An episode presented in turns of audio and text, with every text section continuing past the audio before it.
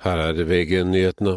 Drapssiktede Visar Avdyli er pågrepet i Kosovo etter snart to og et halvt år på rømmen. Både Visar og den eldre broren Valon er siktet for drapet på 20 år gamle Hamse Hashi Adan på Mortensrud høsten 2021. Valon ble pågrepet av norsk politi i fjor. De har hele tiden nektet for å ha noe med drapet å gjøre. Begge brødrene er tidligere terrordømt for deltakelse i IS. Reporter var Andreas Hagen Håkonsen. Aleksej Navalnyj ble drept med et slag mot hjertet, som tidligere var pensum for den sovjetiske etterretningstjenesten KGB. Det sier aktivisten Vladimir Osetsjkin. Osetsjkin driver nettstedet gulagu.net, som i over ti år har avslørt overgrep i det russiske fengselsvesenet. Julian Assange satte informanter i fare da han offentliggjorde hemmelige dokumenter. Det sa USAs advokater i retten i dag. USA vil ha Wikileaks-grunnleggeren utlevert og stilt for retten for spionasje og datainnbrudd.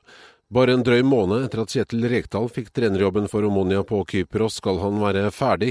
55-åringen fikk ni kamper for klubben. Det resulterte i fem seire, to uavgjort og to tap. I studio Frode Sti, nyhetene får du alltid på VG.